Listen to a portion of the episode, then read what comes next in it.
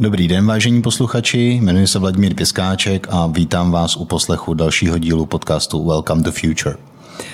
Vedle mě sedící vás také zdraví moje kolegyně. Dobrý den. Eva Hanáková. A musím říct, že máme jakou malou premiéru, protože máme první výjezdní podcast.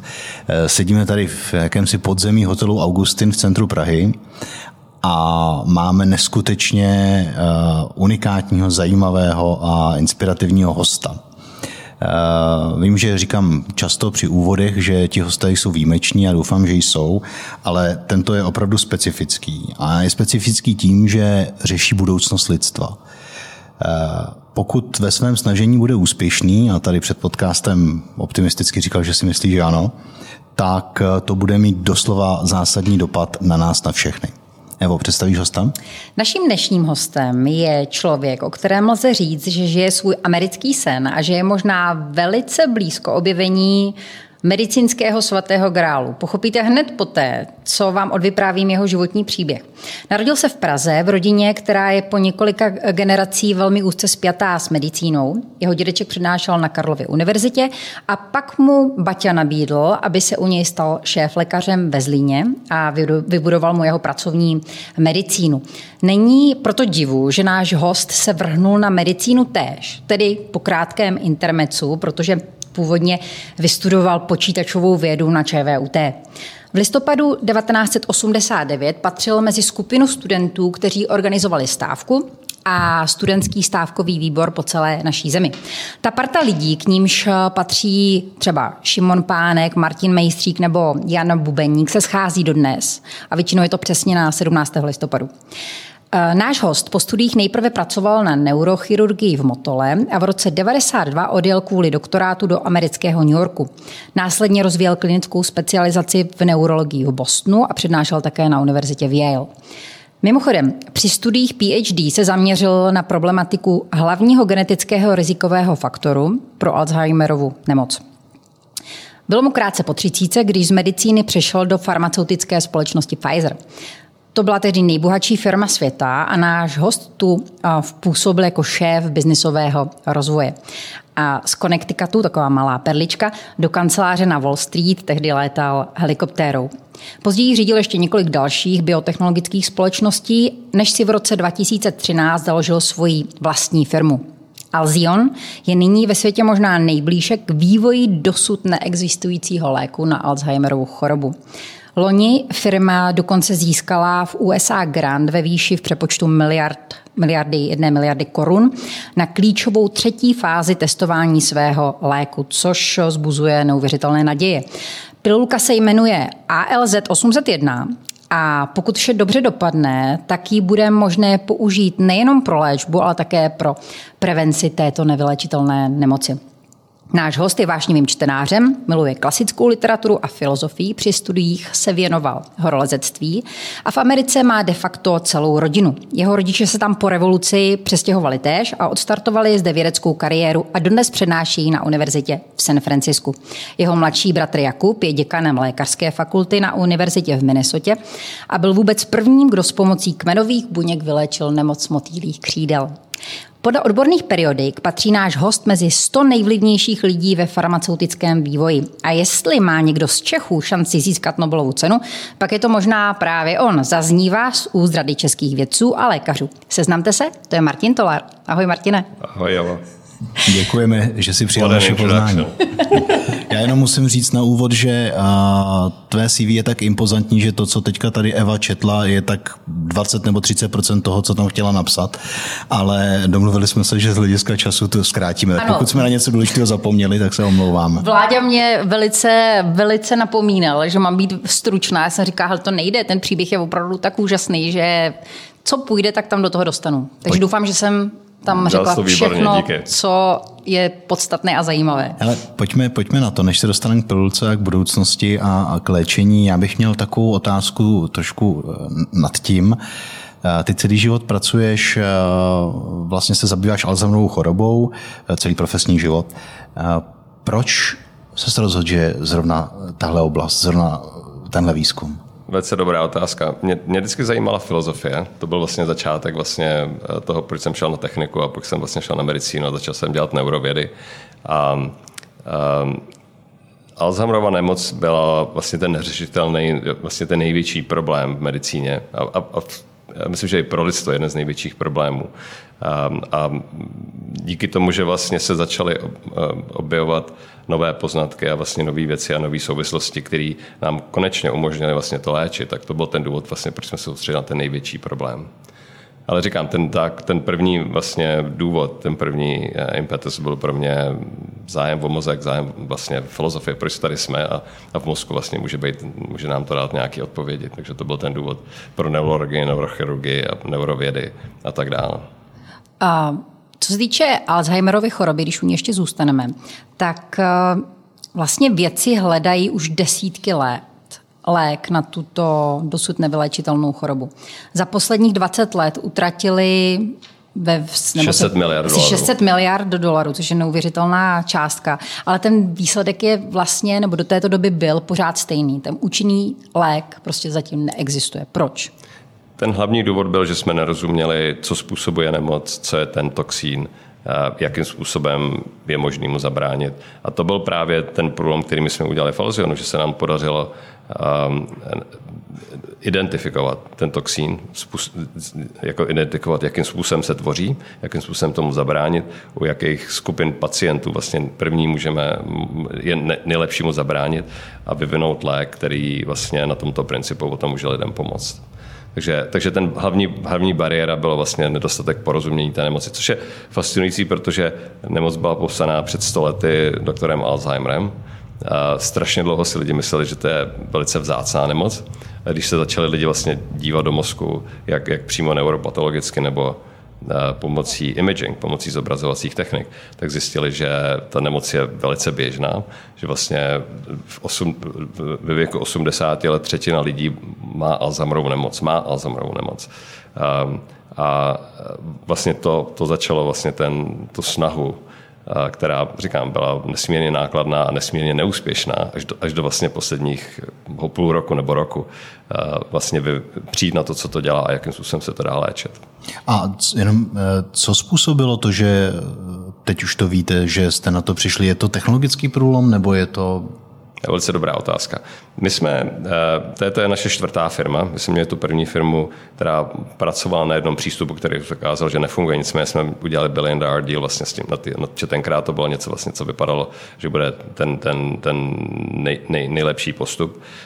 Um, ten, co, co my jsme udělali, a my doslova jsme se sešli v naš, u nás v kuchyni a ten tým, který byl můj, teď je to 150, několik set lidí, uh, vlastně začali jsme přemýšlet, jak můžeme zjednodušit ten problém. Přijít na to, co, co vlastně způsobuje to nemoc. A ten, ten obvious byl, že vlastně se soustředíme na pacienty, kteří mají daleko vyšší riziko nemoci kvůli genetické predispozici. Jak, jak jsi říkal dřív, jako já jsem dělal na tom tom PhD vlastně identifikaci toho genu, který vlastně je zodpovědný za dvě třetiny uh, případů Alzheimerovy nemoci. A my, když jsme se začali soustředit na ty, ty pacienty, kteří vlastně mají daleko větší riziko, je možné identifikovat jenom geneticky, mají rychlejší průběh, tak nám to umožnilo vlastně začít hledat vlastně, co je, co je, co je ta příčina.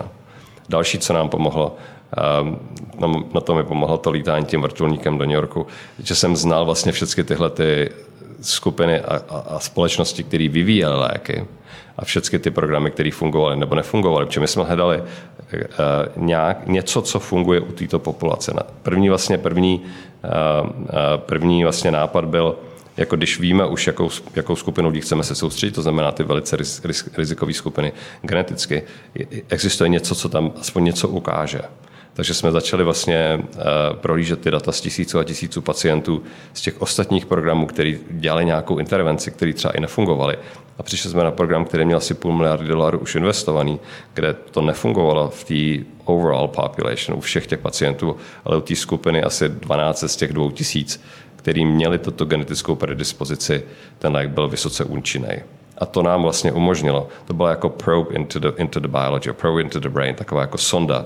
Do to, do, a to nám umožnilo vlastně identifikovat, co je ten toxín, jakým způsobem se tvoří, jakým způsobem mu zabránit, proč vlastně dělá takovýhle problémy, proč ta populace, v které to funguje, jako je, je tak důležitá a vlastně pokročilo celou tu vědu. My jsme publikovali vlastně v každý ten krok a, a, a během těch osmi let. A co teď vlastně byl ten velký průlom, že teď se ukázalo několik dalších programů s jiným přístupem, který vlastně potvrdil, že to je ten, ten správný přístup. Včetně léku, který vyvinul Biogen, který teď byl nedávno mm-hmm. potvrzený, který není tak efektivní, má hodně vedlejších účinků, ale pracuje na stejném principu.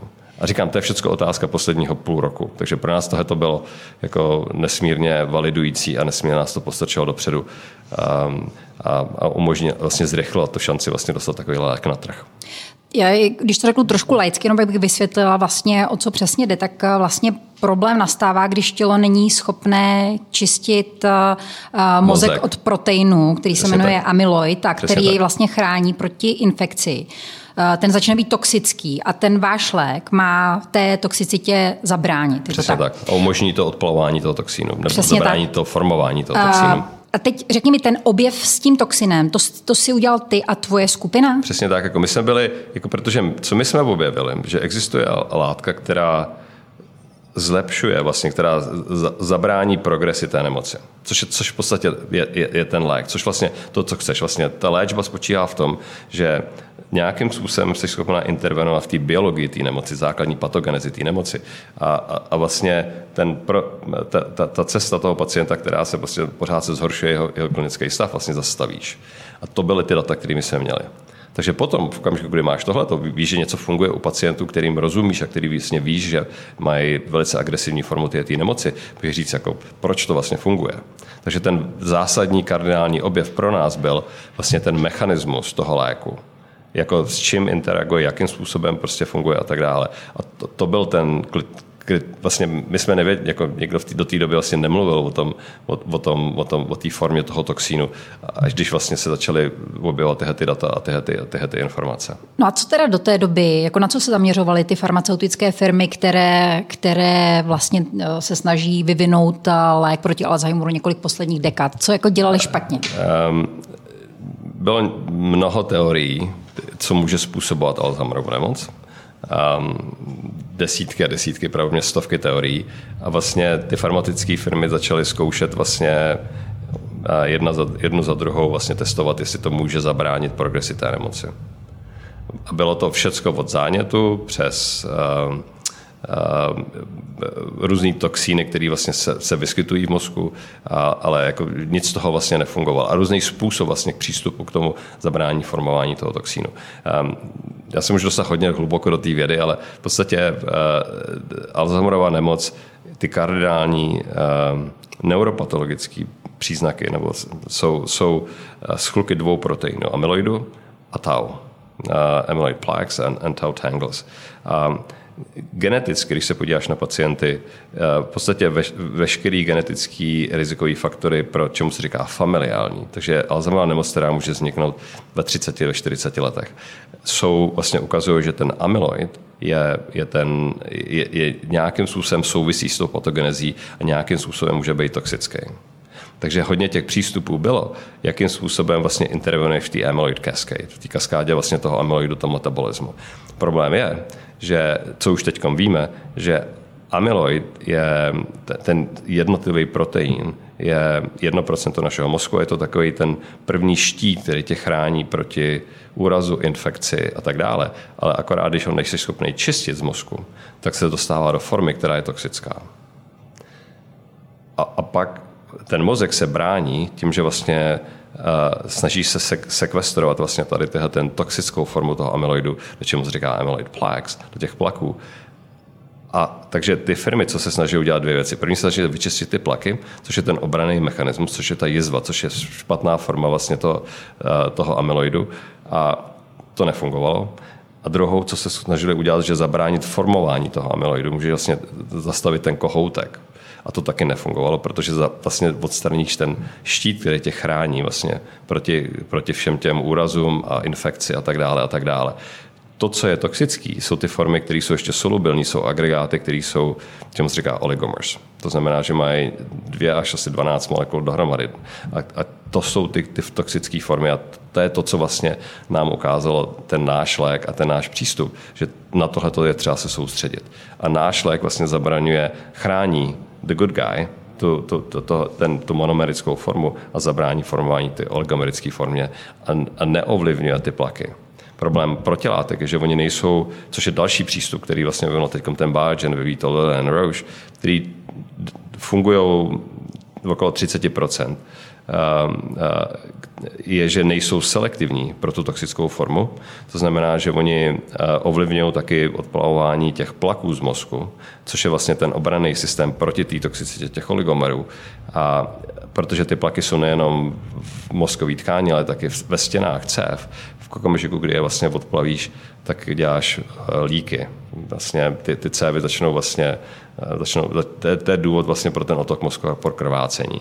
Takže problém těch ostatních eh, přístupů, který jsou vlastně jediná alternativa k tomu, co my máme. V současné době, protože všechno selhalo během dalších posledních 20 let, je pět programů, jsou čtyři protilátky a my máme jediný, vlastně, který má to, tu, mají pilulku. A, a, a, a, a výhoda naše je, že máme že to, je, je, že to skutečně může zastavit průběh té nemoci. Ty ostatní eh, programy fungují asi okolo 30% a nemáme žádný z těch vedlejších účinků, které jsou um, ve 30% mají ty lidi otok mozku a krvácení do mozku uh, in overall population, v celé ty populaci. A u těch pacientů, kteří mají vyšší riziko nemoci, to jsou ty dvě třetiny s, tou, s tím rizikovým genem, je to skoro 50%. A kdybychom se měli podívat na tu zázračnou pilulku, já to zkusím přeložit tak, jak já jsem pochopil, že to, že to funguje. To znamená, eh, je to tak, že ona funguje vlastně preventivně, že tím vaším cílem je ne nějak léčit ten proces, který už je v nějakém stádiu, ale pokud možno, pokud možno vlastně přijít už na začátku té nemoci nebo ještě před ní. Přesně tak. Takže eh, Alzheimerova nemoc se vyvíjí 20 až 25 let předtím, než jsou klinické příznaky. To znamená, že v okolo 40-50 let začne hromadit. A to je důvod, vlastně, proč je to taková hrozba lidstva, to je důvod, proč je tak obrovský dopad, protože nikdo se tomu v podstatě nemůže vyhnout. Říkám, třetina 80 těch lidí má Alzheimerovu nemoc. To znamená, že ta nemoc u nich začala před 20 let dřív, v 60. A, a výhoda toho našeho léku je v tom, že nejenom může zastavit tu nemoc vlastně v momentu, kdy už jsou klinické příznaky, kde je tak obrovský poškození mozku, že vlastně to klinicky se ukáže. Mozek je velice rezistentní a může být uh, úrazy, můžou být mozku a může být prostě inf, infarkty mozku a tak dále, uh, který nejsou ani vidět klinicky. Že? Vidíš to jenom na tom imaging, ale klinicky to není vidět. To znamená, že to poškození musí být velice výrazný, aby se to ukázalo klinicky. Uh, ale náš cíl právě a naše, naše výhoda tady s tím, s tím naším přístupem je, že vlastně my můžeme začít léčit 20 let předtím, než máš člověk klinický příznaky, takže zabránit tomu, že se dostane do té fáze, kdy už opravdu má takovéhle poškození mozku. Takže máš naprosto pravdu, že, že, že vlastně eh, díky tomu, že my jsme schopni zabránit vlastně té primární pat, patologii, že, že, že, takhle to, že, že my se jenom nesnažíme jako navázat a nějakým způsobem vytáhnout ten toxin z mozku, jako dělají protilátky, ale že vlastně jsme schopni zabránit to jeho formování. To znamená ale, že pokud tomu rozumím, tak eh, vy jste schopni identifikovat gen, který způsobuje dvě třetiny množství tohoto onemocnění. Mm-hmm. A pokud identifikujete, že je tam tahle patologie, tak chcete nasadit, nebo by se nasadila ta léčba, pokud to projde těmi, těmi všemi koly. Je to, to je trošku složitější, takže uh, hlavní riziko pro Alzheimerovu nemoc je stárnutí. Jak říkám, jako ve 40-50 letech prostě všichni z nás začneme mít, uh, začneme protože naše cévy nejsou schopny vlastně čistit eh, ty proteiny tak dobře, začne se akumulovat a, a v určitým momentě začíná vlastně se formovat ten toxín. Když máš tady ten gen, eh, tak ta schopnost té clearance, schopnost toho čištění je snížená. To tomu se říká loss of function. Eh, to znamená, že je zvýšený riziko, ale to neznamená, že eh, jako je to jediný faktor, vlastně, který na to, to hraje, hraje roli. Ale, takže pro nás jako nej, nejlepší přístup, jako je možný léčit Alzheimerovou nemoc, jako se léčí kardiovaskulární nemoci. Podíváš se na um, rodinnou historii, biomarkers, genetiku, řekneš, tady je veliký riziko toho, že budeš mít um, heart attack nebo stroke, takže začneme tě léčit prostě s lékama, které jsou dostupné, aby se tohle nestalo. A v Alzheimerově nemoci je to možné udělat stejně. Řekneme, jako tvoji rodiče, no, tvoje rodiče měli tohleto nemoc, to znamená, že máš daleko větší riziko. Z nejrůznějších faktorů uh, máš ten genetický rizikový faktor, je tolik let, je, je třeba léčit. Daleko lepší přístup je, a na tom jsme začali pracovat právě s tím ústavem uh, organické chemie a biochemie, je, že začínáš přímo měřit ten toxin v mozku. A během toho objevu vlastně toho mechanismu, my jsme museli doslova tenkrát chodit eh, k těm výrobcům těch, těch přístrojů, protože to jsou stojí mnoho milionů dolarů eh, přístroje, které tenkrát ještě byly vlastně jenom ve vývoji. Eh, a díky tomu jsme byli schopni objevit vlastně, jak ten lék funguje a, prostě, a ten mechanismus. A my jsme schopni použít stejnou technologii vlastně na identifikaci toho toxínu v mozku. Takže nejlepší přístup je, jako všechny ty ostatní věci je třeba dělat možný dělat vyšetření, ale že se přímo změříš jestli ten toxín je v tom mozku a v jaký koncentraci, protože my víme, že když tam je, tak je, tak je, tak je vlastně to riziko, nebo že už se to děje, vlastně to, to poškození mozku se bude dít. A je to daleko lepší, než jako, já jsem dlouho přemýšlel, jestli existuje nějaká analogie toho, kde můžeš přímo měřit ten toxín v nějaký takovýhle nemoci, která je vlastně takhle prevalentní. A nejblíž tomu je měření cholesterolu u kardiovaskulárních nemocí, ale tam je ten, tam ten cholesterol není toxický sám o sobě, že jo? takže ten neměří přímo ten, ten causative factor, ten vlastně ten, ten toxin. Ale je to jeden z těch faktorů, které Je to jeden z těch faktorů, který my víme, že je velice, velice důležitý, ale, ale tady to je ještě daleko lepší, protože tím, by, tím je vlastně možný říct lidem, jako, jako fire in the brain, požár v mozku, jako máte, tohle je třeba nějakým způsobem léčit a my máme lék, který je vlastně schopný tady tohoto uhasit. Když to zase vezmu do laické řeči, ty jsi tady zmiňoval, že vlastně nedávno se spojil s Českým ústavem organické chemie a biochemie Akademie věd, že cílem toho spojení je právě vyvinout technologii, jak, eh, nebo která bude schopná diagnostikovat vlastně toho Alzheimera eh, ještě předtím, než eh, u pacientů vypukne klinicky. Ale Řekni mi, jak by to vypadalo konkrétně, jak to budete schopni detekovat. To znamená, že opravdu jako už eh, ten ústav dělá nějaký přístroj, že se vezme jako krev eh, a jsme... potom, co, promiň, a ještě, no. ještě znamená to, když ty zmiňuješ o tom, že vlastně ta Alzheimerova nemoc se vyvíjí cca 20 až 25 let bez toho, aniž by člověk poznal příznaky. Mm-hmm. Řekněme, já když ti řeknu, OK, já mám nějaký predispozice, udělám si test, vyjde mi tam, že prostě eh, mám vysokou pravděpodobnost, že ten toxin se bude v mým mozku nějakým způsobem uh, rozvíjet a formovat, tak to znamená, že budete preventivně nasazovat lék lidem třeba kolem 40, 50? Přesně tak, přesně tak? tak? Přesně tak. Že tím zabráníš vlastně eh, tomu, že, že ta, ty, ty klinické příznaky jsou e, způsobený tím, že vlastně máš tak výrazný poškození mozku, že není schopný pro to kompenzovat. Zase pro člověka, který se nedívá každý den na ty, na ty MRI scans a nevidí ten mozek, jako, jak to vypadá, jako, ta, tam musí být velice výrazný poškození, aby, aby vlastně ty, ty příznaky nastaly. To znamená, že ty máš skutečně 20 let na to, aby si vlastně zabránila tomu, aby to došlo do té fáze, kdy vlastně už se to nedá vrátit, jako, nebo ta šance, že se to vlastně dá zabránit, je velice malá. Té první otázce, jako nám skutečně ten cíl s tím OHAPem, my s spolupracovali jsme velice dlouho, oni jsou skutečně unikátní. Já chci jenom zdůraznit to, že my jsme hledali partnera pro tohle velice dlouho. Že je krásný, že to našli v Česku, že jsme, to, je, to, je super. Jsme no. v Česku, my jsme se sešli s Zdeňkem Hostomským, s Martinem Fuskem a začali jsme se o tom, tom povídat a pak se ukázalo, že oni vlastně tuhle tu technologii, kterou um, my jsme tenkrát používali jenom experimentálně, vlastně říkám, my jsme museli jít k těm lidem, kteří vyrábí ty, ty multi-million dollar machines, eh, abychom to vůbec na to mohli pracovat, že to nebylo prostě dostupné prostě všeobecně. Ale, ale v Warhubu je celá skupina, která na tom, tom pracuje. A, takže jsme s nimi už asi rok a půl s nimi spolupracujeme a dělali jsme takzvanou tu feasibility, jestli je to vůbec možné, je to možné detekovat, je to možné vlastně změřit. A my budeme schopní jako měřit a víme, že to je možné. Teď už je to jenom otázka vlastně takový ty exekuce, vlastně toho, jako, aby si dostala senzitivní a kvantitativní test, a měřit přímo ten toxín. Protože co se děje během té nemoci, že se ti vlastně akumuluje ten toxín v mozku a to je vlastně známka toho poškození. Takže my víme, když jsme schopni to kvantifikovat, jako, jako máš, jaký máš riziko. Protože všechny ty ostatní věci, jako je stárnutí, jako je genetika, jako Životní je lifestyle, styl. jako to je ten mix, který, který vlastně ti řekne, jak, jak, jak, nebo nějakým způsobem determinuje, eh, jak rychle ta nemoc progreduje. Ale já, já nemůžu říct z toho, že dělám ani nějaký sken, jako v jaký fázi seš. Můžu to udělat, když už máš hodně, hodně velký poškození. A nejsem, nejsem schopný to udělat v těch prvních fázích, protože tam není v podstatě žádná imaging technik, která mi to může, může říct.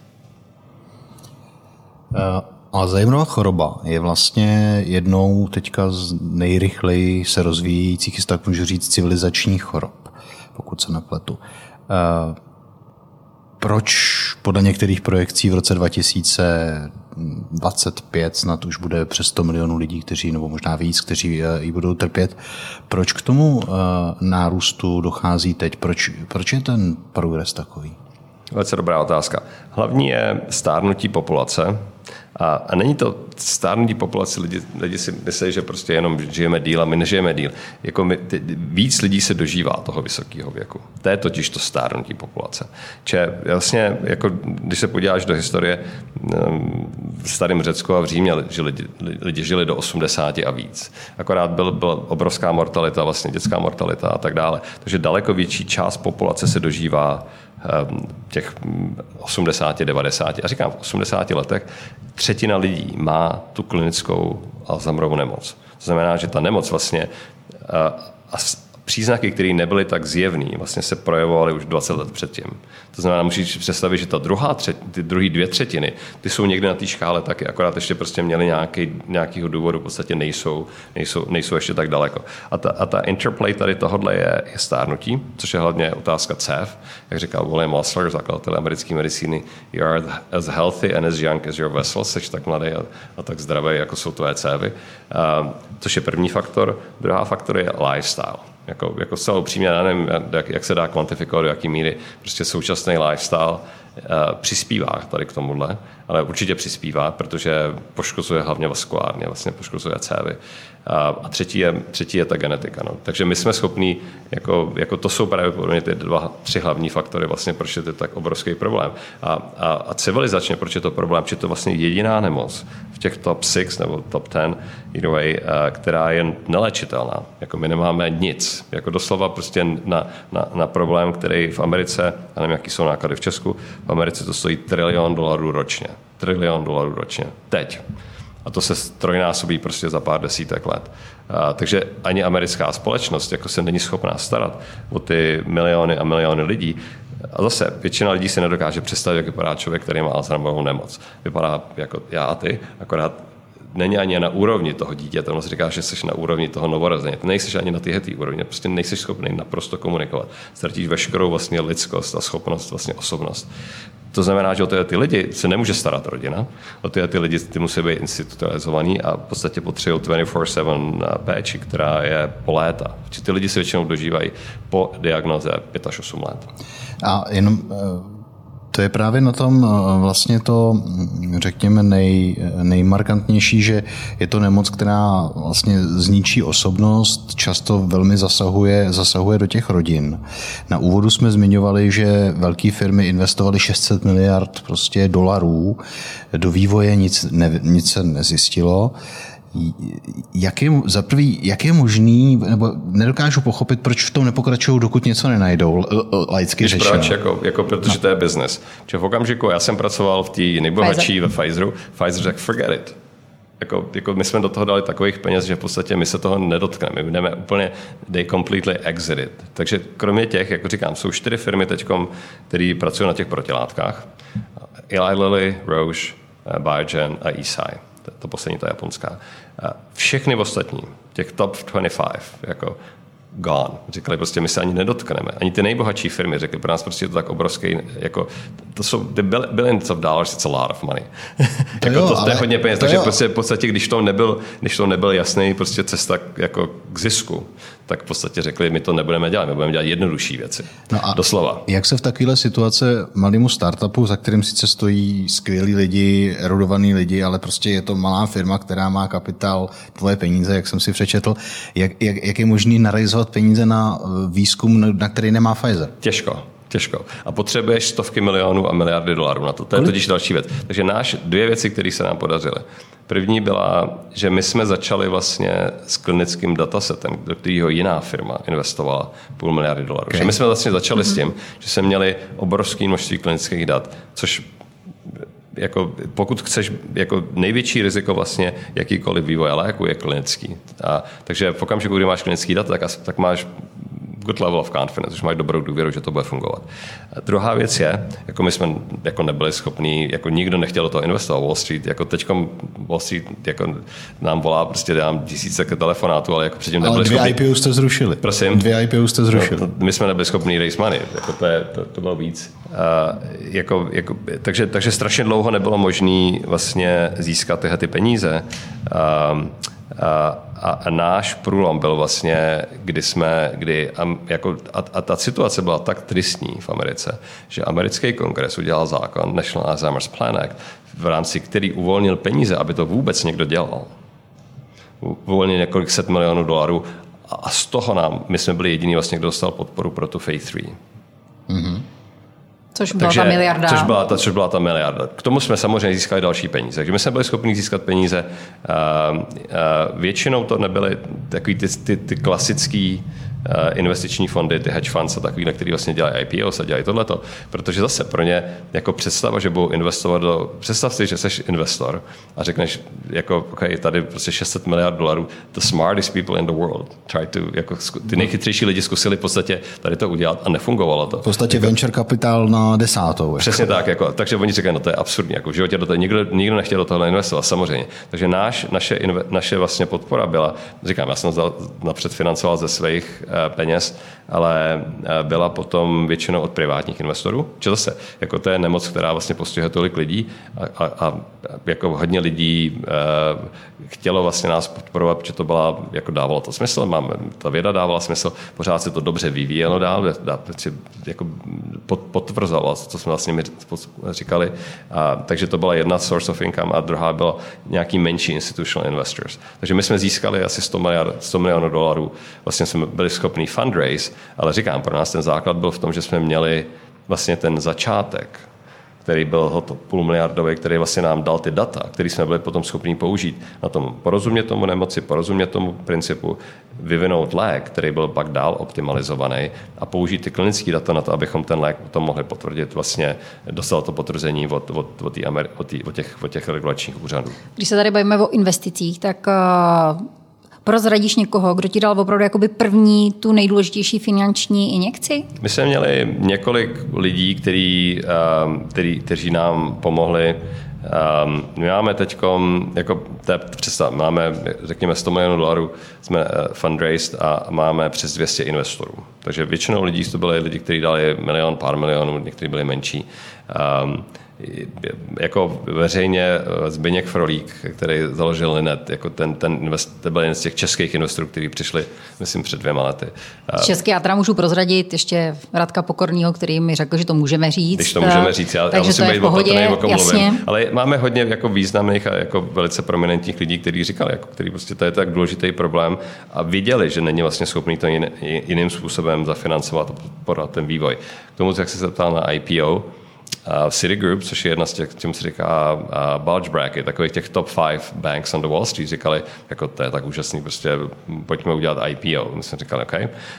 Ale v té době vlastně to byla jedna z nejhorších dob, kdy to vlastně můžeš dělat. Hmm. Všecko vybuchovalo. A dokonce během našeho, naší roadshow, to je vlastně, kdy se bojí s těma investorama, tak byl jeden prostě spectacular implosion. Takže tam výbuch jedna, jednoho programu ve třetí fázi. A, a jako in, investoři na Wall Street neinvestují na to, aby zachránili svoj. Oni jsou, aby vydělali peníze brzo. Takže to byla, jako to byla, to byla v podstatě, to byl ten, to byl ten důvod vlastně, proč vlastně tohleto tenkrát nedopadlo.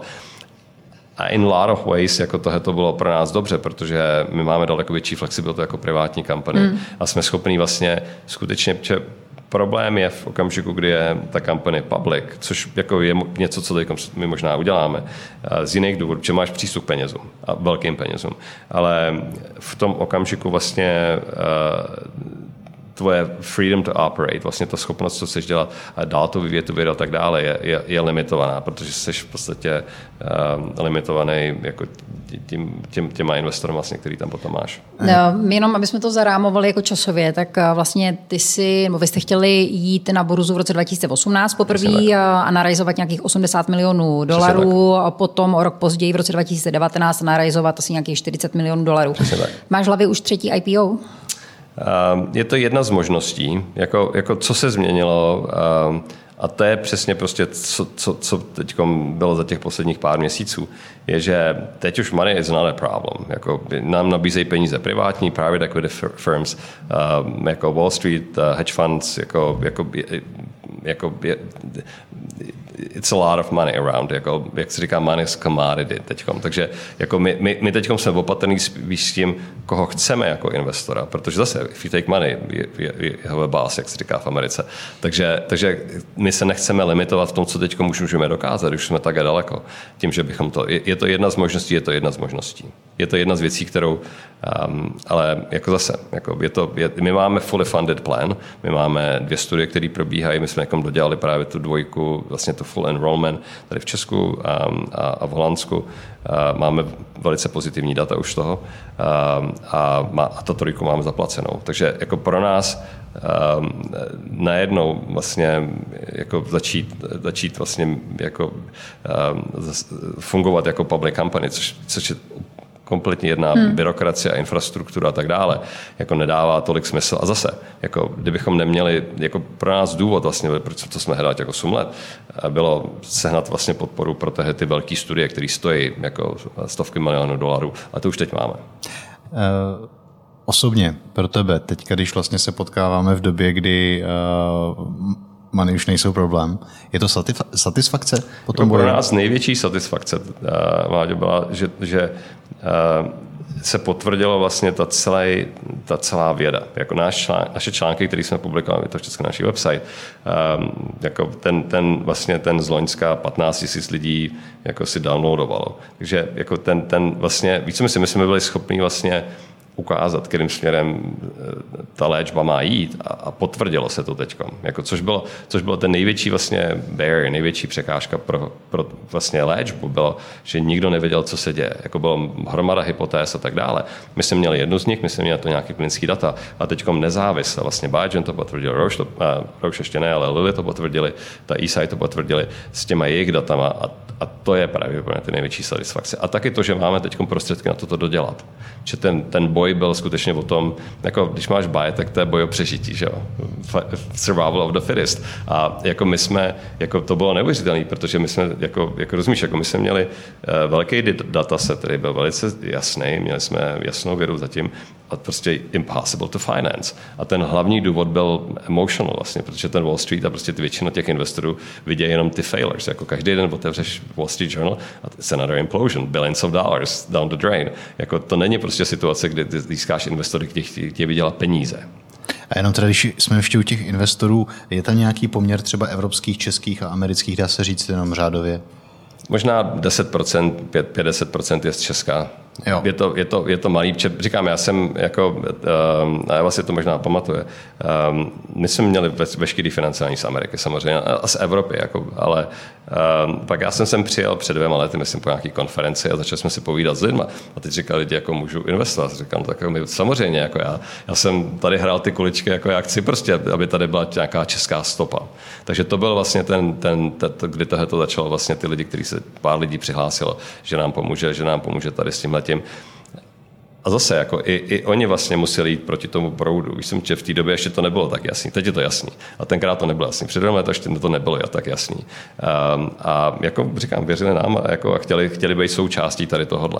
A jenom když říkáš, teď je to jasný, vlastně působíš neskutečně optimisticky. Je to teda tak, že můžeme dát titulek Máme lék na Alzheimer? Jako, jako, jako zase, my musíme dodělat tu třetí studii. Ta, ta bude ale, trvat jak dlouho? Ještě dva roky. No lék na COVID trval 9 měsíců. Já vím, ale lék na COVID ještě nebyl approved by FDA. Jako, okay. jako, jako uh, uh, um, by the way, jako když se podíváme na množství dat, které máme my, dostaneme a množství dat, který, který, který, který vlastně umožnili i ten emergency approval jakoby je, je prostě, jako my máme data, které v podstatě by byly schopný ten lék potvrdit, že máme dostatečný safety data, je to follow-up for two and a half years, máme 2000, 3000 pacientů teď už. Um, a zase, jako i to potvrzení toho léku z Biogen bylo velice kontroverzní, protože oni byli velice daleko od toho vlastně standardu, který normálně potřebuješ pro potvrzení. Uh, jenom co se týče data package, ten lék funguje, což víme z těch ostatních programů a tak dále. Takže moje um, sebedůvěra, moje důvěra tady v tohleto je, je pramení, z toho, pramení z toho, že je, něk, je vlastně čtyři nezávislý přístupy tady k tomu stému problému, který ukazuje, že ten přístup funguje. To je jediný, co funguje.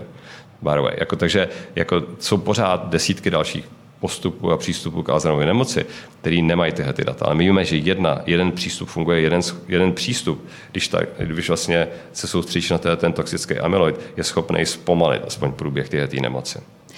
Uh...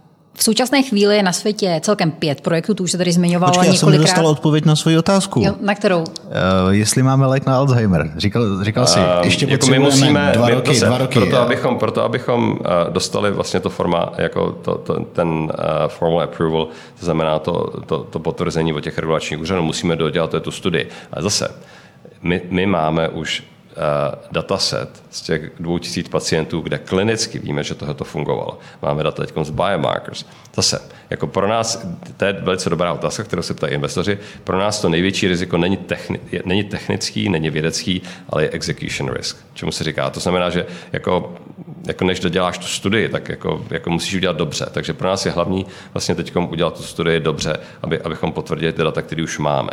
Takže pro nás to není jako máme dobrou vědu, máme do, jako nějaké věci, které to, to potvrzují. Máme klinický vlastně dataset, který potvrzuje, že, že ten lék funguje a mnoho dalších vlastně věcí, které toto potvrzovaly. Ale zase ta FDA vyžaduje správně formální vlastně studii, která, která prospektivně tady toto potvrdí, že to je nejbezpečnější pro ně vlastně jako, jako důkaz, že to, to takhle je.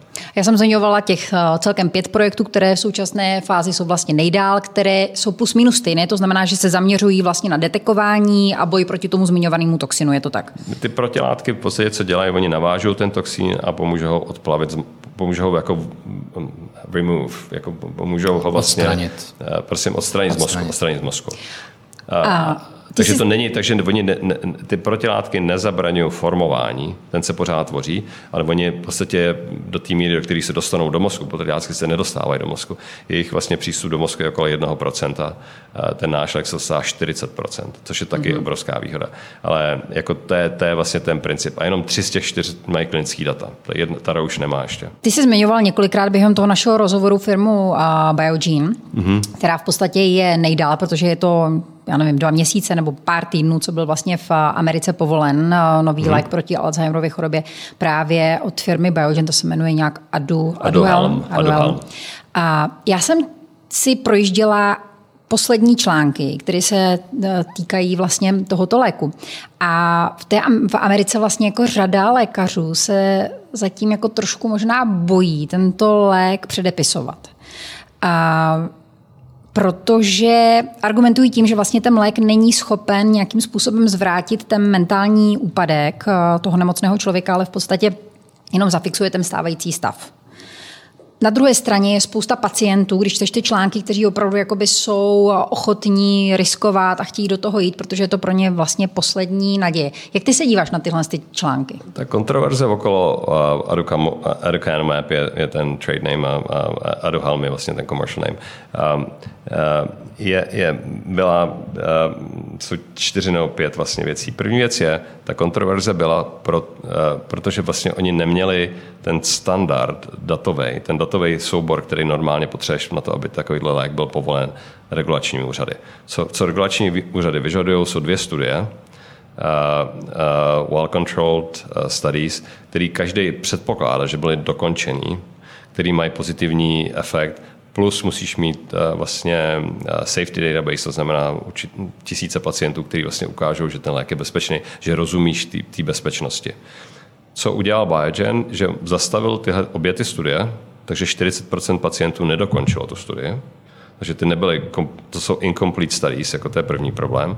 A druhé je, že jenom u jedný se ukázalo in čemu se říká post analysis, což taky FDA nemá rádo, protože v podstatě můžeš mít lot of analysis, se ukázalo, že ten lék funguje, že má, že má efekt.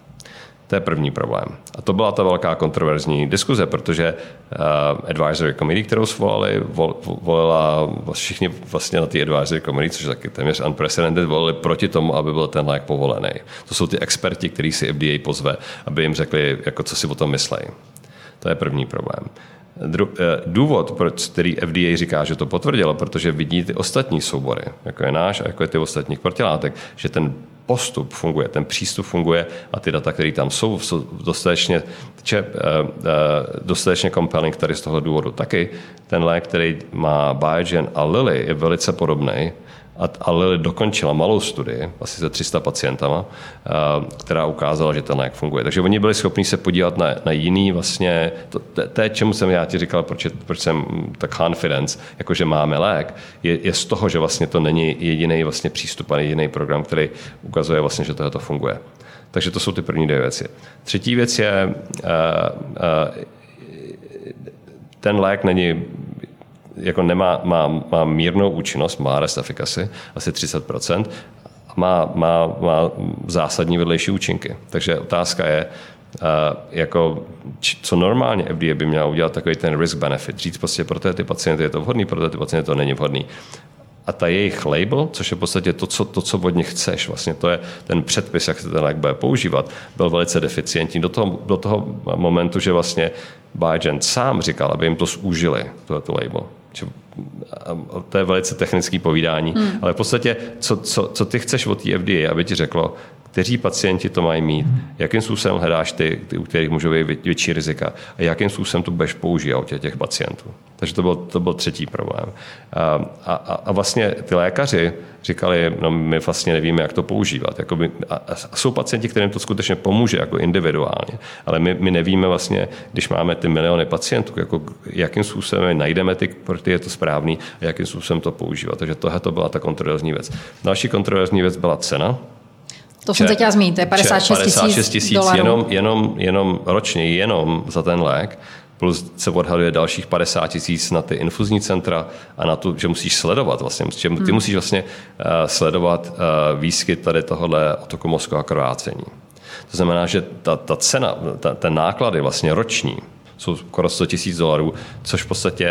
Na jednu osobu? Na jednu, na jednu osobu. Hmm. A u léku, který nezastaví tu nemoc, jo? Který, který teoreticky by se měl dávat tomu pacientovi léta, roky a roky a roky a roky, a který, který sebou nese takovýhle riziko.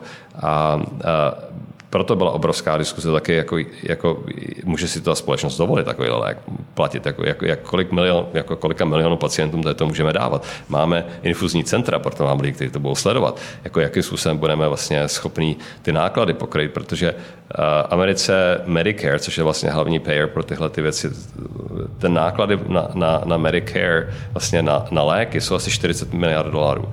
A, a jenom ten jeden lék by, by stál několikrát víc Kolik bude stát ta vaše pilulka? Uh, jako my nevím, my ještě nemáme cenu, jako v každém případě to může být daleko levnější, ale hlavně u nás, my to, tu polovinu těch nákladů, které jsou infuzní centra a sledování vlastně těch, těch, těch, těch vedlejších účinků, nejsou potřeba.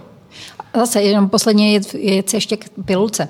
Uh, ty si říkala, že vlastně teď jste Vlastně dokončujete druhou fázi klinického testování probíhá třetí fáze klinického testování, bude trvat plus minus jeden až dva roky, vlastně než tady tahle fáze skončí. Teoreticky, kdyby ten lék mohl přijít eh, na trh? Za tři roky.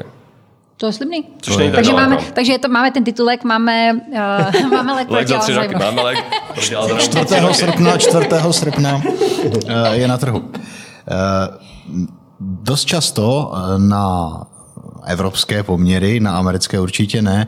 A otevřeně se bavíme o penězích, o, financi, o financování, o biznisu. Já vlastně, když jsem se připravoval, přemýšlel jsem nad tím rozhovorem, tak jsem si říkal, v Česku, když lékař jde dělat biznis a není to jeho ordinace, nebo když jde dělat do farmafirmy dokonce, tak se na něj ty ostatní lékaři koukají jak na největšího odpadlíka a prostě jako to. V Americe je situace jiná, nebo není? Um, je jiná To je jedna věc. A, a jako moje cesta byla, jak, jak Eva říkala, já jsem šel na počítače, pak jsem šel na medicínu, pak jsem dělal graduate school a pak když jsem byl ve Pfizer, tak mě poslal na business school. A jako ten můj, můj důvod vlastně jít na, takže jsem šel na čtyři školy takhle, um, ale můj důvod vlastně jít uh, do pharma industry byl, já jsem byl na Yale a měl jsem tam kliniku a tak dále, učil jsem tam, um, ale nebylo čím léčit si myslím, že pro mě prostě ten důvod byl, jako, jako já nechci vidět ty rodiny a ty pacienty a říct jim, já pro vás nemůžu nic udělat, zase můžete přijít za 6 měsíců. Uh, uh, takže tam, tam se na to lidi dívají jinak, protože vlastně to je, to je místo, jako pokud chceš vyvinout novou, nový, novou léčbu, tak jako kde to jinde můžeš udělat, než, než, než, než pharma nebo biotech industry. Takže tam naopak je to velice prestižní a, je, je, jako je, je velice um, velice kompetitivní, jako se dostat na tyhle ty pozice a jako většina akademických profesorů a těch, těch slavných lidí chce jít do farma.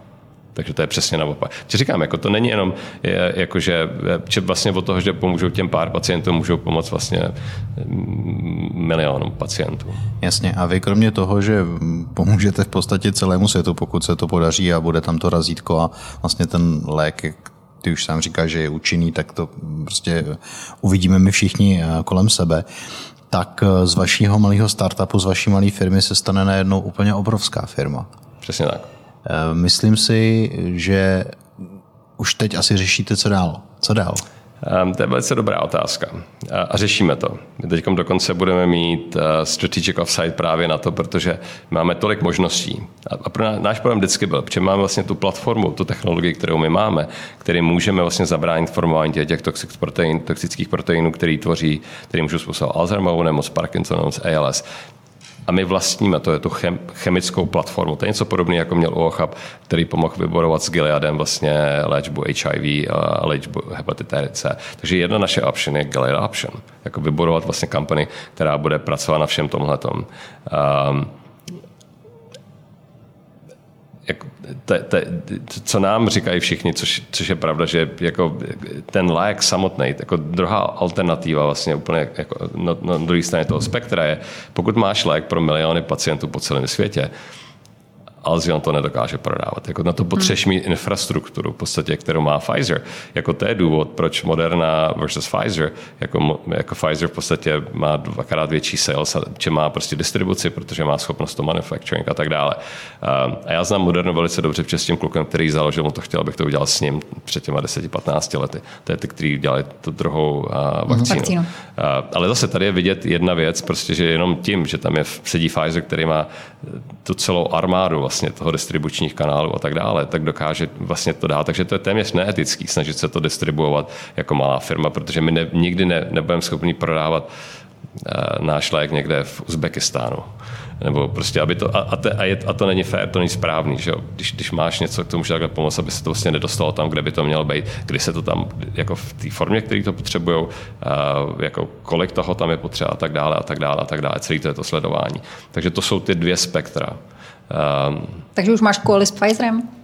Nemáme, ale některé ty farmafirmy už nám volají. No. Jako, jako, jako, jako zase, jako pro nás je, je mnoho business options. A, a, um, a jako, uh, je, je to it's a nice problem to have. jako co, co je jiná otázka, jako, a, a to je jeden z důvodů, proč jsem tady taky byl v Česku. Dvě, dvě vlastně věci k tomuhle. První je, jako co bychom dělali dál s tím týmem. Že ten tým, který já mám, prostě, říkám, myslím, poskládat za těch posledních 10-15 let, je naprosto unikátní a bylo by škoda nepracovat s ním dál. A další otázka, která teď je strašně zajímavá, který jsou obrovský problémy, je otázka stárnutí. A celý ten koncept, že vlastně stárnutí se je vlastně něco abnormálního. Že to není, že dřív se považoval člověk stále, jako, jako can you do about it? Je to, je to, to, že vlastně je to, dívat se na to jako na nemoc, což už i ty regulační orgány začínají dělat, a jsou, jsou specifické intervence vlastně v aging process. Co si lidi neuvědomují, já se vždycky ptám, o kolik si myslíte, že se zvýší riziko všech nemocí, včetně Alzheimerovy nemoci od 20 do 70? Typni si tvoje riziko kardiovaskulární, eh, rakoviny a tak dále od roku od 20 let do 70 let. 60%? 60%. 80. 80%. Tisíckrát. 100 tisíc procent. Takže my, my bereme riziko třeba, ten, ten rizikový gen, který je uh, uh, ta čtyřka. Když máš jednu kopii, tak zvýká vyšší riziko uh, Alzheimerovce čtyřikrát. A když máš uh, dvě, tak to zvýší dvanáctkrát to samo o sobě je zodpovědný za to, že dvě třetiny pacientů s tou Alzheimerovou nemocí mají tu čtyřku.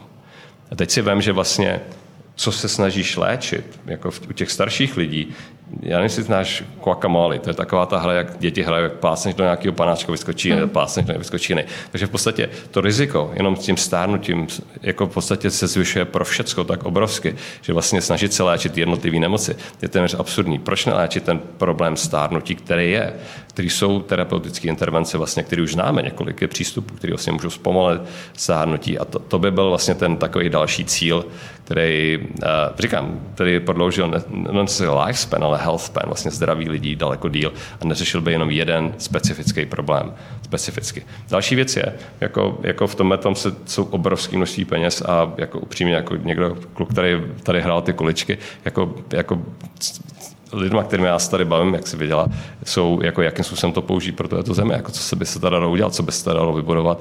Eh, přemýšlíme o nadaci, vlastně, která by pomáhala sociálním věcem, vzdělání, eh, co by bylo strašně fajn udělat tady vytvořit, čemu se říká venture capital ecosystem. To znamená vytvořit v podstatě, tady je nesmírné množství pracovišť, který my už pracujeme, ať je to OCHAP, ať je to CERC, to je ten kybernetický ústav na ČVUT, ať jsou to Loschmidt Laboratories v Brně, kde je mnoho dobrých nápadů a už teď za mnou chodí hodně lidí, kde jsou startups, který nevědějí, jak to dostat vlastně do bodu, kdy to je jako business úspěšný.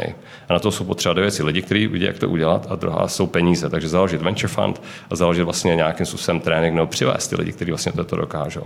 Martin, víš, co je fascinující, že ty jsi v Americe 30 let. Rozjel se tam firmu, byl si šéfem několika biotechnologických společností. A vlastně ty, když o tom mluvíš, tak se vracíš zpátky Přesně k kořenům a vracíš se do Česka. A mě zajímá, proč. Jakože v Americe si nenašel tak dobrý sparring partnery, nebo tam nejsou tak dobrý, eh, chytrý lidi jako u nás, nebo co je ten důvod? Protože jsem tady hrál ty kolečky. A víc si řeknu, jako my jsme, my jsme jako, je několik mých kamarádů, kteří udělali to, co jsme tenkrát. My jsme po revoluci, rozumíš, jako, bo neuvěřím, že my jsme byli těch pár studentských kluk, kluků vlastně na škole, který najednou prostě se otevřel svět, víš, jsme si najednou všechno se změnilo. My jsme byli u toho, měli jsme schopni nějakým způsobem uvlivnit, a, a, ale nechtěli jsme být politici. A, a, to byl moment, kdy vlastně mě nabídli jít do Ameriky, byla to Decade of the Brain, dekáda mozku, jako něco se naučit. A my jsme všichni plánovali, že tam zůstaneme pár let a vrátíme se. Já se někde plánuji, že tam po 20-30 let. A pár lidí se vrátilo. Pavel Hroboň, který třeba šel na Harvard, se vrátil, pracoval tady v McKinsey, pak, pak, pak vybudoval univerzitu vlastně pro healthcare, byl chvilku náměstek ministra. Hromada takových mých kamarádů takhle byla, ale jako, tak říkám, mě to trvalo trošku díl, ale pořád, jako, jako tady jsem doma. Tady, tady jako, a, a tady tahle země, jako to bylo právě, to jsou ty lidi, s kterými se tady povídám, jako, jaký jsou ty věci, které by pomohly a jaký jsou ty věci, které vlastně uh, je možný urychlit, uh, nebo je možný facilitate jako s tím, co je, co, co je, co je, co je běžný v Americe, s tím jenom, že máš prostě fondy, protože to si schopný podpořit. Jako, jako to, je doslova prostě if money is not an option, jako, jako not an issue, jako, jako what can, we, what can we get done, co, co je možné udělat. Víš, co myslím, jako, že zase, jako, já se, jako v Americe je hodně lidí, kteří, um, um, když něco dokázali, prostě to nějakým způsobem chtějí dál použít, ale tady to neexistuje. Tady prostě není precedent toho, že lidi, kteří, kteří něco se jim podařilo, prostě to chtějí rozdat doslova. Jako já nevím, jak to jinak říct. A, a dobře to rozdat.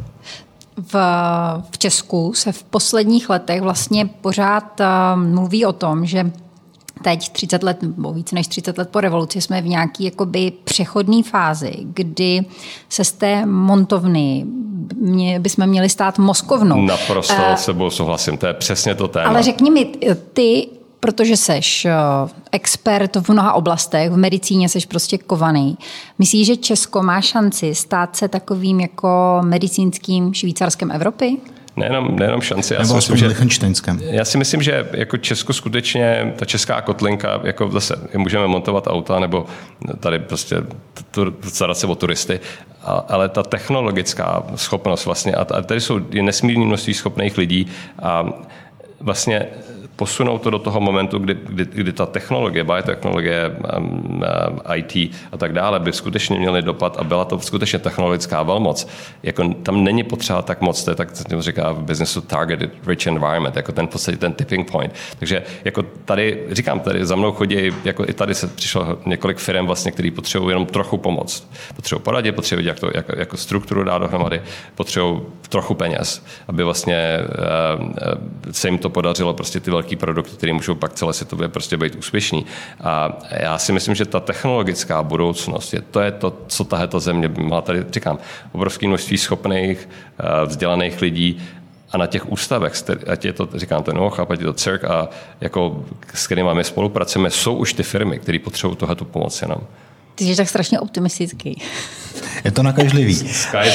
Ale já, já, teď, já teď s dovolením ale odbočím, protože nemůžu, zdánlivě odbočím, nemůžu nevyužít tyhle příležitosti a nezeptat se na téma, který je vlastně pravidelným stoprocentním tématem téměř každé diskuzi podle mě na většině míst planety. COVID. Klíčový rozpor, který já vnímám v části naší společnosti tady v Česku je, ta vakcína, ať už je to ta nebo ta, není pořádně otestovaná, nikdo neví, co s tím bude, navíc je to úplně nový typ vakcíny. Vy jste blázni? Druhý je, ne, blázni jste vy, tohle to prostě garantují největší společnosti a pojďme do toho. Um, Jak, kdo má já, já ti, jako dělám souhrn, tak to, co ta lékařská komunita si o tom to myslí. Uh, v medicíně první je, že se snažíme chránit lidi, kteří mají nejvyšší riziko. To znamená, je vakcína něco, co je naprosto indikovaný pro lidi, kteří mají nejvyšší riziko, což je většinou otázka stárnutí. To, to riziko jde skoro zero do uh, jako real risk, jako u 70, 80 year olds, u těch starších lidí. Samozřejmě, starší populaci, tu populaci, která je v riziku, je třeba chránit, i když je to experimentální produkt, i když se nez, a my upřímně, ten, ten produkt nebyl plně prověřen regulačními orgány, ani FDA to ještě vlastně nedodělala. To znamená, že my nevíme, jaké dlouhodobý dopady, jaký jsou side effects a tak dále. To znamená, že to je první věc, která, takže, takže je to indikovaný vlastně akutně a tady accelerated approval pro lidi, kteří mají vysoký riziko? Naprosto. Druhý konflikt, který byl, eh, je, že jsou že, že v podstatě způsob, jakým se přistupovalo k léčbě, bylo to v Americe a v Evropě, ne tak ještě mi zbytek světa, bylo, že se v podstatě neléčilo, že se čekalo, až ty lidi skutečně byli zralí na, na, na, na, na ICU a na dechací přístroje a pak přišli do nemocnice, což je přesně, co nikdo nedělá. Nikdy jsme také neléčili virózy. My léčíme virózy na začátku, když vlastně mají kdy, kdy, kdy vlastně je, je možná intervence, ať je to HIV, ať je to flu, ať je to chřipka, ať je to HIV. Um, a, takže, takže vlastně ta, ta, ta, ten, ta, ta léčba v těch prvních příznacích, kde vlastně může být efektivní, se úplně ztratila. Jako, a bylo to, všichni se soustředili na vakcínu, což je absurdní, což je, což je druhý problém. A, a, a třetí věc je, jako říkám, jako začínat vyvíjet celý to armamentarium a zkoušet léky, který potenciálně, tam bylo obrovsky kontroverzní, že nejrůznější množství léků se začalo objevovat, že vlastně nikdo, uh, ne, jako teď už se dělají ty studie, ale vlastně bylo téměř zabráněný lékařům léčit Víš, myslím, jako v Americe jako ty, ty protesty byly proti tomu, že vlastně, jako, když jsi lékař, tak máš pacienty, kteří jsou nemocní a, a zkusíš, co funguje. Jako za každou cenu, když máš léky, které jsou na trhu, tak proč je nemůžeš zkusit? A i to bylo vlastně sankcionované. A všechno tohoto byl obrovský politický overlay. Jako všude na světě, aspoň v Evropě a v Americe. Takže, takže Zase, jako, jako my, my jako lékaři víme, že musíme chránit ty nejrizikovější populace a když je něco, co, může, co, co jim pomáhá, což my víme u té nejrizikovější populace, ty vakcíny fungují, no samozřejmě. Je, je třeba vakcinovat každýho? To je velká otázka. Je třeba používat vakcínu, která přes ty všechny mutace už nemusí být tak efektivní. To je ta další otázka. A je to třeba používat u, u lidí, anebo u, dokonce u, u dětí, který v podstatě eh, to riziko mají tak minimální, bez toho, že víme přesně, jakým způsobem to bude ta vakcína fungovat a, a co to vlastně udělá za, za, za, za, za léta a tak dále. Takže to je velice kontroverzní. Jako je to strašně zajímavé to sledovat z lékařského hlediska, ale tak ze společenského, protože to byla zkušenost vlastně jako celosvětově, kterou si nikdo nedokázal nikdy představit.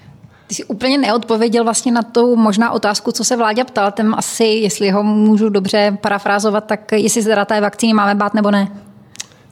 Um, já si myslím, že není potřeba se jí bát, ale je potřeba ji používat tak, jak, jako, tak, jak by měla být správně indikovaná. Zase, jako je, dává smysl fungu, vakcinovat každýho s tím, že je to vlastně přístup, no, úplně nová technologie. Říkám, já jsem byl u zrodu té moderny, která vlastně jedna, která to vybudovala. Uh, jako, to je technologie, která je úplně nová. My nevíme, prostě, jako my nemáme s tím zkušenost. Jako vakcíny trvají několik let, než se vlastně dovolí regulační orgány dopustit na trh. Jako, jako, ale my víme z těch prvních studií, že vlastně ty nejzranitější části vlastně populace, pro ně to je, je, je, jako je, je, je dobrá věc a je to ochrání akutně aspoň. Uh, jako tak to dává smysl, ale používat to opravdu jako podle, podle toho rizika, kterého, která je. A zase risk-benefit, jako to, je, to je u všecko v medicíně v podstatě každý lék, každá intervence má některý rizika.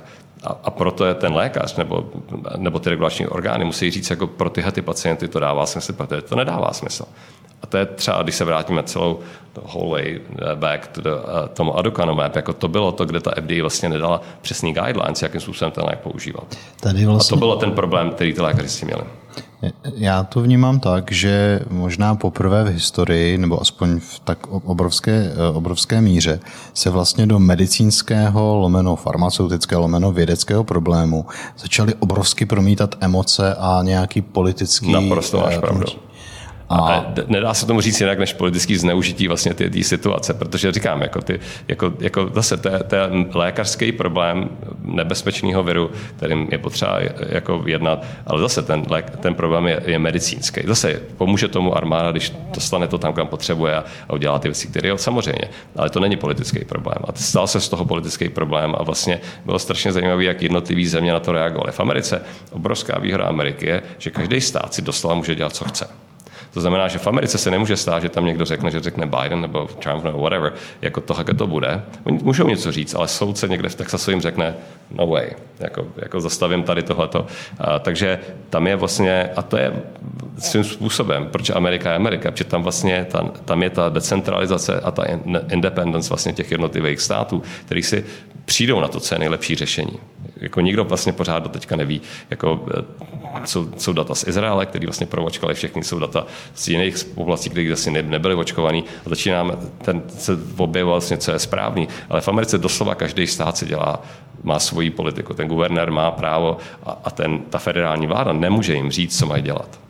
Takže, takže máš naprosto pravdu. Jako to, je to já taky nedokážu představit, kdy vlastně tohle se stalo v historii, jako je to, je to neprecedentní. A hodně se z toho budeme učit ještě dlouho. No a vrátí se vlastně ta doba někdy před tím, eh, co jsme zažívali před tím covidem? Um, dobrý se vrátí, protože to, je viroza, která prostě bude mít nějaký, nějaký course a který ty, ty léčby na to budou, už my už víme. A, a co bylo strašně zajímavé, jak jim, to je taky prostě jak média a politici to, to jako manipulujou. Jak se říká, že se snížila vlastně prognoza jako života, že jo, jako lifespan, jako, jako predictive lifespan dětí. To je nesmysl. Naopak, my jsme se naučili, jak, jakým způsobem vlastně takovouhle, takovouhle pandémii řešit jako civilizace. Takže jako děti, které se narodí teď, se drží díl jenom proto, že my už víme, jak to udělat. Jako Víš, co myslím? Takže prostě hmm. jako, jako, a většina lidí nikdy si nedá práci s tím, aby opravdu rozuměla ty lékařské problématy, ty vědecké, uh, ani novináři, aby, aby opravdu prostě jako to predikovali, že největší, nejlepší a nejvíc prostě atraktivní jsou ty negativní zprávy, strašící zprávy. Uh, a říkám, jako to je, to je něco, myslím, že společensky všichni se teď musíme poučit. Každopádně já jsem ti vděčná, protože když začal covid, tak Martin mi doporučoval, že mám jíst zinek a vitamin D1. Přesně tak, D3, D3. D3. Tak eh, děkuji eh, za radu. Jedla jsem. Jo, to je no. výborný. Jako ten zinek jako pořád. Jako to já říkám všem, že jako pro většinu lidí, no pro většinu, pro všechny lidi je nejdůležitější pořád, v jaký jsou fyzické kondici, ehm, jak, jak, jakým způsobem jsou schopni normálně žít a to nebezpečí pandémie a těch intervencí jsou ty, že v Americe se odhaduje, že, nebo jsou data, že 40% eh, populace slou slovo 30 liber jako lékařský dopad jenom tohodle, jako, a to nemluvím o tom, že prostě lidi jsou inaktivní a tak dále, je, bude obrovský. Jako zapomeňme na, na, na, to, na ty lidi, kteří v podstatě mají, mají těžký covid a tak dále, ale jenom tohle, ten lifestyle vlastně impact. Proto já jsem vždycky říkal, prostě jako snažte se jako normálně fungovat, být v kondici, prostě chodit ven, cvičit, eh, je zdravě jíst, jako fungovat normálně. Eh, zinek je nesmírně dobrý, protože zabraňuje vlastně reprodukci toho viru, jako replikaci toho viru. či inhibuje ten enzym RNA dependent RNA polymerase, který vlastně možní replikaci toho viru. Takže to je přímo jako brání tomu. Tak, ale musíš ho mít, jako musíš ho brát pravidelně, protože tě chrání vlastně jako stabilně. D je, je, je vlastně hormon, který umožňuje imunitnímu systému správně na to reagovat. A říkám, to jsou jednoduché intervence, které prostě jako téměř byly kontroverzní, jako, jako berte zinek a berte Dčko. Jako. What's the big deal? Nic, hele, ne, já, jako, a jako, jako, a já jsem v pohodě. To, a už se to ví. Jako, ono Musím teď... ťukat, protože no. covid jsem neměla. A no. Nebo si ho měla prostě a ne, ne, nebo ho měla, tak, nevím o tom, jako lidí. Uh, ještě, ještě jedna věc, uh, covid a Alzheimer. Teď jsem nedávno četla nějakou otázka. studii, no, no. že vlastně uh, u některých lidí, kteří prodělali covid, se rozjel jako problém Alzheimer. Uh, uh, s jakoukoliv infekcí je, že vlastně v mozku, jako protože ten první obraný systém mozku proti jakýkoliv vlastně stresu, úrazu a tak dále je vlastně, že jde amyloid nahoru, že vlastně se produkuje amyloid, že to je ten ochranný systém. A když ho nejsi schopný čistit, vlastně, tak se začíná způsob vlastně akcelerovat Alzheimerovou nemoc. Um, a když máš systemický, um, systemickou infekci, že, jako, jako je COVID, tak samozřejmě jakákoliv inflammation jako způsobí produkci amyloidu, takže ta, ta korelace tam je. Je to, souvisí to přímo s tím long COVID, který lidi mají nějaký psychický, psychiatrický, prostě neurologický příznaky to nikdo ještě pořádně neví, ale jako, jako systemický zánět není dobrá věc nikdy. A pro ten mozek v tohle důvodu to není dobrý. Martina, možná úplně poslední otázka, protože myslím, že čas se naplnil. A ty jsi už zmiňovala před chvilkou a možná si nám tak trošku vzal jednu otázku z úst. Co bude problém medicíny za 20 až 30 let? Jestli jsem to dobře pochopila, tak ty vidíš hlavně stárnutí populace a... a... Jako když se zamyslíš nad tím, co vlastně byla ta nejracionálnější intervence do těch, do těch, těch kritických problémů, ať je to kardiovaskulární, což je nej, hlavní důvod, vlastně, proč lidi umírají, rakovina, Alzheimerova nemoc, co je vlastně takový to common theme, je, je vlastně stárnutí. Takže pokud by se nám podařilo vlastně uh, nastartovat ty reparační mechanismy, který je možný nastartovat, který způsobují stárnutí, jako, tak bys vlastně byla schopná řešit jako all of the above. Tak si představ, mm-hmm. že jsi zpátky na svý alma mater v mhm. Praze, mm-hmm. přednášíš uh, mladým českým studentům a ti se ti zeptají, jakou specializaci si vybrat, na co by se měli do budoucna zaměřit tak, aby pomohli lidstvu, nebo co je podle tebe medicína budoucnosti? Mně pořád přijde, ty neurovědy jsou neuvěřitelné. Mě, říkám, mě přivedla k tomuhle filozofie, protože to je takový to pochopení, to je to lidství naše, to, to, to, to je to, co to vlastně ta podstata našeho bytí. A, a, a, ať je to vlastně pozitivně, ať je to AI, Artificial Intelligence, ať je to všechny ty, ty, vlastně ty výpočetní techniky, které vlastně umožňují dál posunout vlastně, vlastně naše, naše, naše fungování, a nebo je to na, na úrovni té patologie, jako to je pořád podle mě ty neurovědy jsou to nejzajímavější, co teď existuje v medicíně. A jako já jsem šel do Ameriky, když byla Decade of the Brain, americký prezident řekl, teď bude Decade of the Brain, budeme všemu rozumět. A co jsem zjistil potom, co jsem skončil graduate school, jak málo toho víme co myslím, Konkrétně o mozku? O mozku, protože hmm. jako, a, a tam to je nejméně probádaná vlastně část těla, no, že jo? To jsem tam byl ve skupině, ve skupině Eric Kandel dostal Nobel cenu za Learning and Memory, takže to byl, a ten vlastně to, to, tu Nobelovu cenu dostal na tom, že pracoval na takovém plži, který je mořský plž, kde vlastně na jednom neuronu zjistil, jak se vlastně přenášejí ty informace. To byla úroveň understanding. Za to byla Nobelova cena, ne tak dávno. A, takže to porozumění vlastně těch trilionů spojení a, tri, a těch buněk, vlastně, které jsou v mozku a jak to funguje a proč to tak funguje, jako, tomu jsme ještě tak daleko, že jako to je to nejzajímavější, co se teď bude dít v medicíně, v technologii. To není jenom medicína, to je technologie, to je IT a tak dále. Takže plží neurony už známe, teďka bychom měli jít na lidský. Přesně tak. Okay. Martine, děkujeme moc. Děkuji moc. Naschledanou. Naschledanou.